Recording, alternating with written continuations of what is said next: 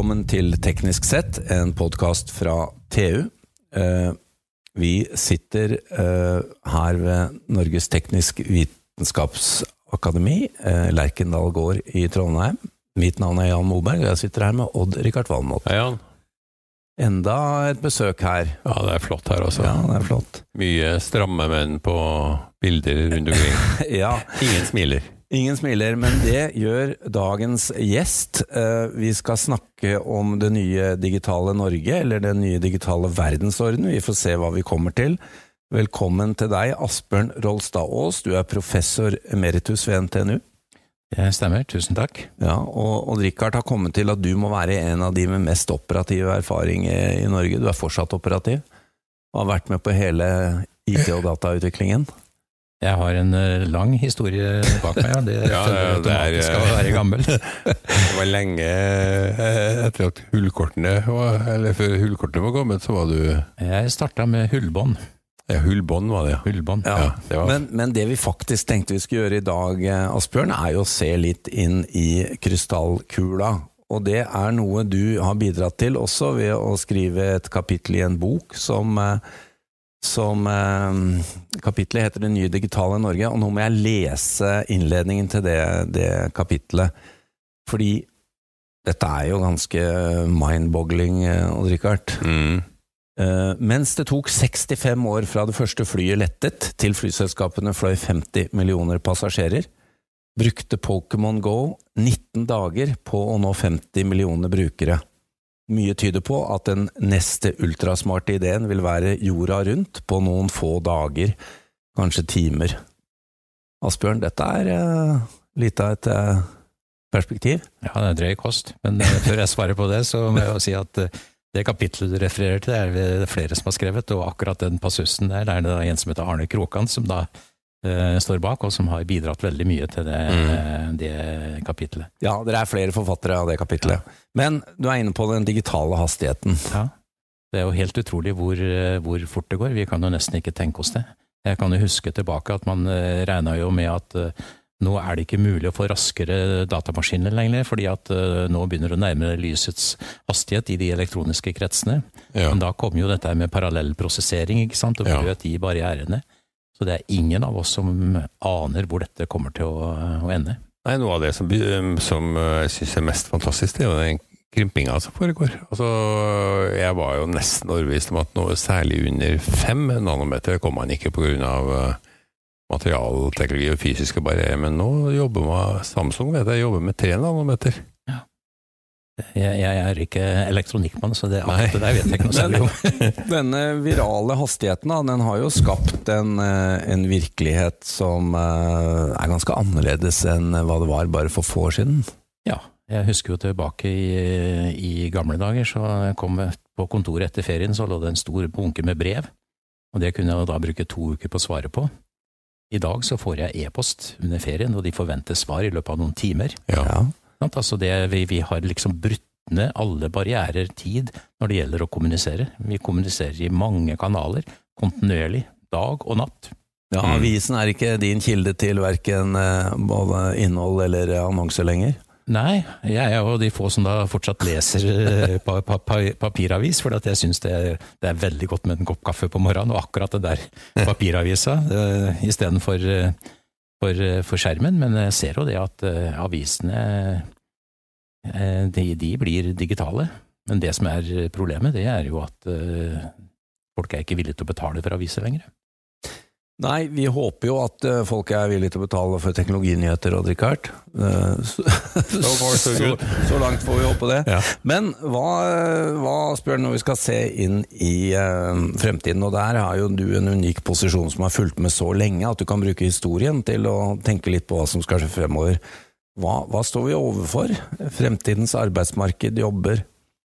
Ja, Vi står jo overfor en total endring. For det første så blir produktbegrepet blir fullstendig annerledes. Jeg er vant til å forholde meg til et fysisk produkt. Ja, I dag er hovedproduktet en tjeneste. Du kjøper, du kjøper tjenester Ja. hvor produktet inngår i tjenesten. Mm. Leverandører de selger, en del leverandører selger ikke produkter lenger, de selger tjenester som du har bruk for. Og så er de ansvarlig for teknologien og det fysiske og det som følger med det. Og jeg la merke til at eh, Toyota nå lanserer en eh, elbil. Der så jeg annonsen at dette er bilen du ikke skal kjøpe. Ja. Ja, det er bil som du ikke skal eie, du skal kjøre den, du skal bruke den. Og tankegangen er vel at uh, vi deler på biler på samme måte som vi i dag deler på sparkesykler. Ja. Du finner en bil et eller annet sted og taster inn en kode og får en regning på hvor du har kjørt, og setter den ifra deg. Jeg tror ikke det tar lang tid før vi ikke finner det engang. Du bare sier at nå har jeg behovet', og så finner bilen deg. Ja, det òg, men altså, dette er jo forretningsmodeller som er ganske nye. Jeg tenker på hvor over, over natta omtrent disse elsparkesyklene dukka opp i hovedstaden. Ja. Eh, Det kom jo som eh, ja, Ikke akkurat julaften på kjerringa, men det kom veldig overraskende på mange. Men det er vel typisk for mange av disse distributive eh, nyskapningene. De kommer over, over natta. Altså, de finner behov som du visste at du ikke, ikke visste at du hadde. Ja, iPhone er et godt eksempel på, eh, på en sånn utvikling. ja, Ja. på en sånn utvikling. Og det er jo flere av disse her. Og he hele delingsøkonomien er jo basert på det. Se på Uber er jo også den type produkt. Ja. Og de Mm. kommer ofte og lanserer seg uten Ja. at lovgivningen er klar for det. Ja, det ser jo for eksempel se på Airbnb. Altså det, det, nå er det jo liksom borettslag og sånt strever jo med da personer som da leier ut, uh, bruker leilighetene sine som, uh, som hotell. Ja. Det var Ja. jo ikke meningen, ikke sant? Nei. Vi har ikke noe lovgivning som, som fanger opp det. fanger opp dette her. Altså, hele den teknologien er jo godt i forkant av lovgivningen. Ja. Men det viser jo også en del av utviklingen. Du nevnte iPhone, og etter hva jeg skjønner, dette kan du mye mer om enn meg, Richard, men uh, dette app-universet var jo heller ikke Så ikke for seg hvordan det skulle ta av. Så her Ikke fra starten, nei. Her er altså selskapene som, eh, som innoverer underveis, eh, plutselig finner de gull da, og går i en helt annen retning enn hva de tenkte. Og Det interessante er jo at det er jo begrepet app som antagelig har skapt det markedet der. Ja. En sånn app, for de som har drevet med dataprogrammering, så vet vi at det er egentlig bare et program. Ja. Og de enkleste av de programmene, de bare leder deg til da en eh, webside hvor du kan foreta ting. Men app har jo blitt et begrep. Ja. Alle har jo nå sine apper. ja, nå kaller de programmer også for apper. Ja, ja. Gått, Ja, Applications. Applications. Ja. Ja, de, gjør, de gjør jo det. Ja. Altså Hvis du ser på, på Microsoft, de har sluttet å De, de, de snakker, om, de snakker ikke om programmer, Nei, de snakker om appene. ja da. Men hele den utviklingen, da, øh, og, og vi, vi, vi vet jo ikke helt hva vi står overfor, av hva, hva som kan komme til neste år, eller allerede i høst. Altså Nå tenker ikke jeg på pandemien, det var også en sånn hendelse som, øh, som kom over oss uten at vi var klar for det, og antagelig førte til ytterligere digitalisering. Mhm. Men, men hvordan skal vi da, med enten vi øh, er ledere eller arbeidstakere eller hvor vi er, hvordan skal vi tenke og forberede oss på dette? Nei, altså det, Løsningen jeg ser, er jo at du må skaffe deg kunnskap om hva dette her er. altså. Og lære, rett og slett. Du må inn i en læremodus. Det blir, eh, det blir som å lære seg å gå når du var baby. Du må Mm. lære deg de nye teknikkene. Og der er jo veldig interessant å se på da min eh, generasjon som er gått opp i årene. ikke sant? Vi ble jo fostra opp eh, med visse virkemidler og hjelpemidler og sånn. Hvis du ser på dagens eh, ungdom, dagens unge, de er jo dataalderen, ikke sant. De er jo vokst, vokst opp med nettbrett og internett og de, de, de, de tingene der. Ja. De, De, de, de, for de er det naturlig på en helt annen måte. Vi, jeg har vært gjennom akkurat ja, samme og, og, og det gjør også at de, de behersker jo de teknikkene mye mer. Ja. Sånn I dag så er det jo problemer med å få eldre til å forstå og bruke hjelpemidler. Det er eldre som ikke vil ha smarttelefon, ikke sant? det er eldre som Ja. trenger hjelp til å Mm. komme inn i nettbank og sånne ting. Mange av Mm. de. Ja. Fortsatt. Men det er klart at det er, de, de dør ut etter hvert, og de som kommer etter, de har det her i eh, fingrene. Det gjør at Ja. du får et helt annet eh, samfunn. Ja, du ser jo stadig debatten om skal vi bruke kontanter. Det er Ja. nesten ingen som bruker kontanter lenger. Nei. Det, det er jo ikke det. Jeg har en 200-lapp som nå har ligget i lommeboka mi i tre år, tror jeg. Ja, akkurat. Du, når du tok ut den en eller annen, du kan sikkert huske det, eller du fikk den jeg tror jeg fikk den igjen jeg leverte inn et produkt jeg ikke likte. ja, En tjeneste du ikke likte. Nei, men altså, det er jo, eh, det er jo eh, sånn arbeidsplassmessig, da, så er det vel et delt ansvar. Jeg ser at eh, det du og dine medforfattere har vært inne på også, er jo at den digitale transformasjonen også er et lederansvar. Ja. Hva kan vi som ledere gjøre? Nei, vi må forholde oss til den nye teknologien og innrette oss etter det og ta grep. Og det gjør, Dette innebærer endring, og det gjør at du som leder du må i mye større grad være også endringsagent eh, samtidig. Ja. For de fleste av oss er konservativt innstilt. Vi syns det er greit at andre endrer seg, men vi vil helst ikke endre Mm. så mye selv. Et godt eksempel på det nå er jo hva som skal skje etter at koronaen er over og vi kan samles igjen på arbeidsplassen. Ja, Hvor kanskje forventningene hos ikke alle, men store deler av arbeids- eller ansatte er at de skal være mer fleksible. Mm. Mens andre, ikke bare ledere, men kanskje ledere, forventer at man skal være mer på kontoret. Jeg er ikke så sikker på, på akkurat det. Jeg tror at uh, denne koronaen den har satt oss i en posisjon hvor næringsliv og forvaltning de tenker uh, annerledes. Tenker nytt. Ja. Jeg så uh, organisasjonsdirektøren på NTNU uttalte seg nylig at NTNU under pandemien har bespart bare 180-90 millioner kroner i reiseutgifter. Ja. Det er klart at eh, det- dette er store tall som Ja, syns det det. i, i, i regnskapene, og folk har funnet ut at eh, det er ikke nødvendig å sette seg på flyet til Oslo fra Trondheim eh, og bruke en hel arbeidsdag for å kunne være med på et møte på en time i, eh, i Oslo. Nei, den biten av det er vel, åpenbar. er vel Så den tror jeg nok har forandra seg, og Ja. samtidig så tror jeg også at mange har funnet ut at kanskje er produktiviteten eh, minst like god hvis de jobber hjemmefra. Ja. Sånn at du får da litt veksling imellom dette her, det tror jeg er sunt. Altså det som, er, som har slått meg, er at vi har jo hatt øh, video på PC og mobil i mange år, men det har ikke tatt av. Og så tok det av så å si over natta. Ja, fordi du ble tvunget. Altså, vi ble tvunget, og så en- kommer det sannsynligvis ikke til å gå over. Nei, fordi at eh, man har innsett eh, Ja. fordelene med det.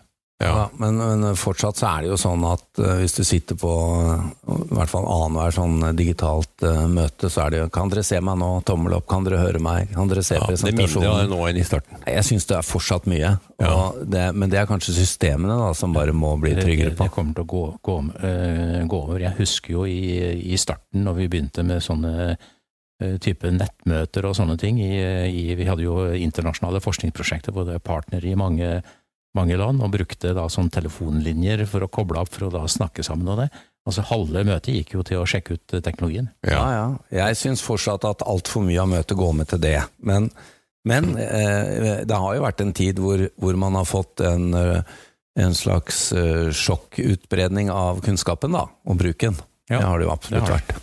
Men det jeg lurer på er, hva blir konsekvensene for alt det her, resultatene av AI, robotisering, all informasjonsteknologien som velter over oss, maskinlæring, for arbeidslivet på litt sikt? For det, vil jo, det vil jo fjerne mye jobber. Det, det, det, det vil det, fordi vil, du vil endre ty typen jobber som skal gjøres. God del jobber vil forsvinne, og så vil det komme andre i- isteden. Hvis du ser innenfor eh, produksjon, hvis du ser på utdanning, eller hvis du ser på liksom, hvordan du opererer en eh, fabrikk, så kan du si at du har maskin, og så har du arbeideren over maskinen, og så har du liksom ledelsen, og så har du ingeniøren på toppen. Det bildet der forandrer seg. Altså det da, som da en operatøren av maskin, klassisk maskin gjorde, det forsvinner. Det blir automatisert. Og det å passe på maskin, det blir en ingeniøroppgave. Sånn at du øker, du øker terskelen, du får ja. behov for mer kvalifisert arbeidskraft. Jeg likte Ja. det første scenarioet hvor ingeniøren satt over ledelsen. Ja. Det var fint. Ja, ja. Spørsmålet blir til hvilket nivå. Men hvis du, hvis du, eh, jeg vet ikke om du har noen gang gått igjennom en eh, bilfabrikk. Hvis du går gjennom en Ja. bilfabrikk i dag, Ja. så ser du f.eks. en karosserilinje. Så ser du et hav av roboter som står og sveiser og gjør Ja. det. Så går det én person sånn opp og ned og spaserer og passer på, på alt det der. I gamle dager så var det tjukt av folk inne i en sånn fabrikk. Mm. Ja, det var jo det. Ja.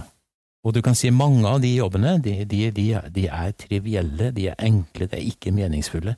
Det gjør jo at vi går over i en fase hvor de fleste kan få mer eh, skal vi si, meningsfulle jobber. Men i, i Norge har vi jo ikke hatt så mange av de jobbene, for vi har vært flinke til å Jo, vi har jo masse av de, hatt masse av de jobbene i, eh, i Norge òg, men eh, akkurat den eh, automotivindustrien har jo eh, automatisert, men du har jo innenfor bygg og anlegg så har du jo fortsatt veldig veldig ja, Der er det jo stor mulighet for automatisering. Jeg tenker på den norske industrien har vært flinke til å ta i bruk automatisering. Norsk industri har vært veldig flinke, Ja, eh, ja. flinke til det.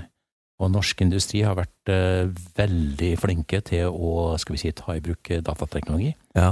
Og jeg tror noe av forklaringen er samarbeidet du har i, i, i arbeidslivet. Ja. Jeg, husker i, på 70-tallet, når jeg begynte å jobbe med innføring av datateknikk i, i, i produksjon, så hadde vi samarbeidet med LO.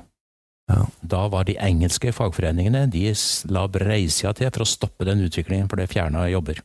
Ja. LO så mulighetene. Ja. Og det tror jeg er typisk eh, norsk. Vi har blitt ganske gode på det der, å se de mulighetene. Mm. Ja, det er jo fascinerende, fordi, eh, fordi det, og dette kan kanskje bli et, et fortrinn vi har nå, da. Um, I forhold til andre nasjoner, sammenlignet med kontinentet, kanskje. Ja, Nord Nordmenn er kreative. Ja, vi skal ha opp eh, Asbjørn, vi har snakket om det tidligere her i dag med et par andre, men vi skal jo bygge en industri nå som skal produsere batterier, blant annet. Battericeller. Ja. Og da kan vi jo starte helt fra scratch, da. Da kan vi designe dette fra starten, og det må jo være en gyllen mulighet. Absolutt. Akkurat som vi gjorde med oljeeventyret. Ja. Mm. Hvem er det som er verdensledende på undervannsteknologi i, i dag? Ja, det er også i Norge. Mm. Så her må vi overføre kunnskap om batteribygging fra å bli Asia, det da, Richard? Til, til Ja, Norge. Asia og til dels USA. Ja. Ja. Nei, dette er utrolig spennende. Uh, Odd Rikard har jo forsøkt å bytte ut meg med en, uh, en uh, automatisert prosess, men han finner ikke noen prosess som krasjer like mye som meg, så jeg får fortsatt sitte her. Men det er, det er roboter som skriver artikler i aviser. Det er det. Ja, det er det. det, er det. Og det blir jo mer av det. Det må vi regne med. Vi er, altså, konklusjonen er vel på dette at vi er, vi er ingen som har en posisjon som er beskyttet over lang tid, da. Nei, og det er vel egentlig ganske karakteristisk for dagens situasjon. Det er at du må regne med å bytte jobb. Du Ja. blir aldri ferdig utlært. Du må hele tiden omstille deg, endre deg. Er, verden er blitt mer dynamisk, på godt og vondt. og raskere dynamisk.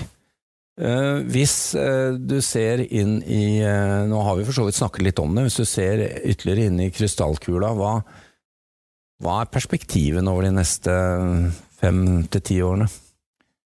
Nei, jeg tror nok at dette, dette er en utvikling som så vidt har starta. Så vi kommer til å stå overfor masse nye produkter som vi aldri har visst at vi trengte. Og som kommer til å snu opp ned på måten vi jobber på, måten vi, vi lever på. Og informasjonssamfunnet er kommet for å bli. Og så er det noen sånne faremomenter rundt dette her. Det ene er jo at eh, kriminaliteten Ja. har oppdaget eh, disse verktøyene og bruker de eh, for alt det er verdt. Og en del av eh, i hvert fall de eldre er lettlurte på, eh, på sånne ting.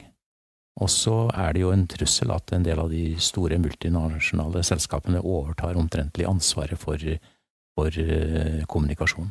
Ja. Da har du et begrep som heter filterbobler, som er eh, lansert, som betyr egentlig at, eh, at disse store selskapene de siler den informasjonen du skal ha, sånn Mm. at du får det du opplever som meningsfylt informasjon, og det gjør at du får stadig mer av det du liker, Mm. men du blir utestengt fra de andres eh, synspunkter, og blir dermed mer enspora. Så det er Ja, det har vi et sett moment. på Facebook og for den saks skyld Netflix og overalt. Ja, ja. Og så- så blir jo noen av disse multinasjonale blir jo så, så store og så dominerende at nasjonalstaten blir litt uh, Får ikke så mye makt lenger, da. Nei. Så det er, det er skumle tanker, dette her. Eh, avslutningsvis, Asbjørn, vi må spørre deg, fordi Odd Rikard og jeg, når vi, når vi skal ha litt sånn rysere og grøsser, så går vi inn på Boston Dynamics og ser på videoen av de eh, robotene de har lagd. Og er liksom tenker, hva med kunstig intelligens og disse robotene sammen? Da, det er også en frykt vi har, da. Ja, jeg deler ikke den, eh, Ah, det den, eh, den, den, den frykten. Fordi at eh, vi- det er mennesker som lager disse her robotene, og vi ligger stadig på, foran de. Ja, Men det vi aldri klarer å slå robotene på, det er repetisjon Ja. og hastighet. ja. Ja. Men det kan vi vri til vår fordel. Det, det var et bra avsluttende ord, Asbjørn Rolstadås. Takk skal du ha. Vi, det er jo så mye mer vi kunne snakke om, det håper jeg vi kan komme, få komme tilbake til. Takk til Odd Rikard Valmot, og mitt navn er Jan Moberg. Dersom du ønsker å konsumere enda mer innhold fra oss i TU.no og Digi.no, anbefaler vi at du blir abonnent. Det vil gi deg tilgang til alt vårt innhold innen energi, elektrifisering, forsvar, fly, samferdsel, byggenæring, industri, maritime næringer, karriere og mye, mye mer fra vår kyndige redaksjon. Du vil da også få tilgang til alle sakene Odd-Rikard skriver om sine 687 favorittområder. Vi har også egne avtaler for bedriftsabonnement, og som om ikke det var nok, medlemmer av Nito og Tekna for halv pris.